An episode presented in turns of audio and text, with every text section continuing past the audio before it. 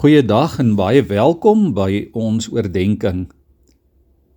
Wees altyd ywerig om die Here te dien. Dan sal jy 'n toekoms hê en jou hoop sal jou nie ontneem word nie. Dit is wat ons lees in Spreuke 23 vers 17 en 18.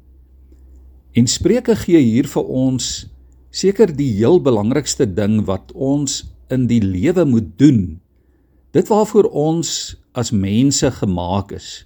Dit wat sin en rigting en hoop gee in alle opsigte in jou lewe. Wees ywerig om die Here te dien. Wat beteken dit, liewe vriende dan om die Here te dien?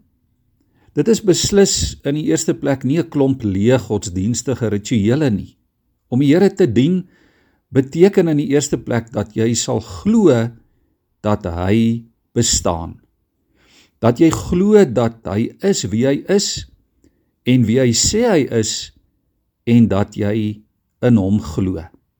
Dit beteken dat jy die Here liefhet, dat jy hom eer en respekteer en aanbid. Dat jy hom eerste stel in alles. Dit beteken dat niks vir jou belangriker is as die wil van God nie.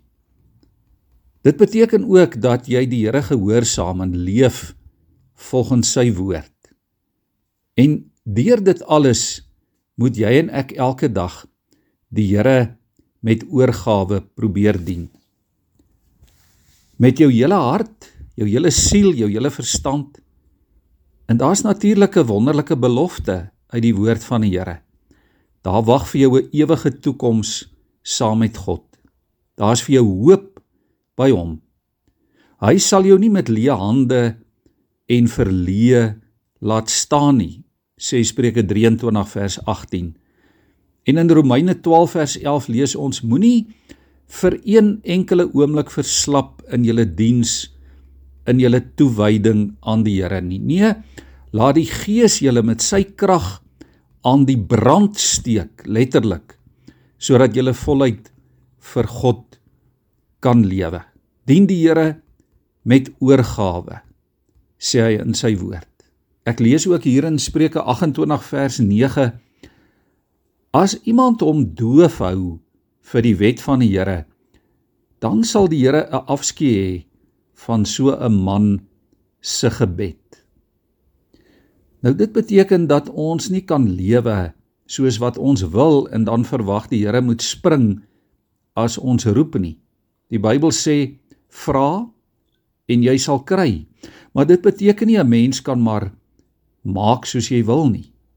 As jy onverskillig is teenoor die Here en teenoor sy woord, kan jy niks goeds te wag te wees nie. Gebed is nie 'n noodwiel as niks anders werk nie. Gebed is nie soos 'n soos 'n lekker goed masjien waar jy 'n knoppie druk en dan kry jy dit wat jy vra, wat jy graag wil hê nie. Nee, die woord sê Ons moet in die Here bly en sy woorde in ons.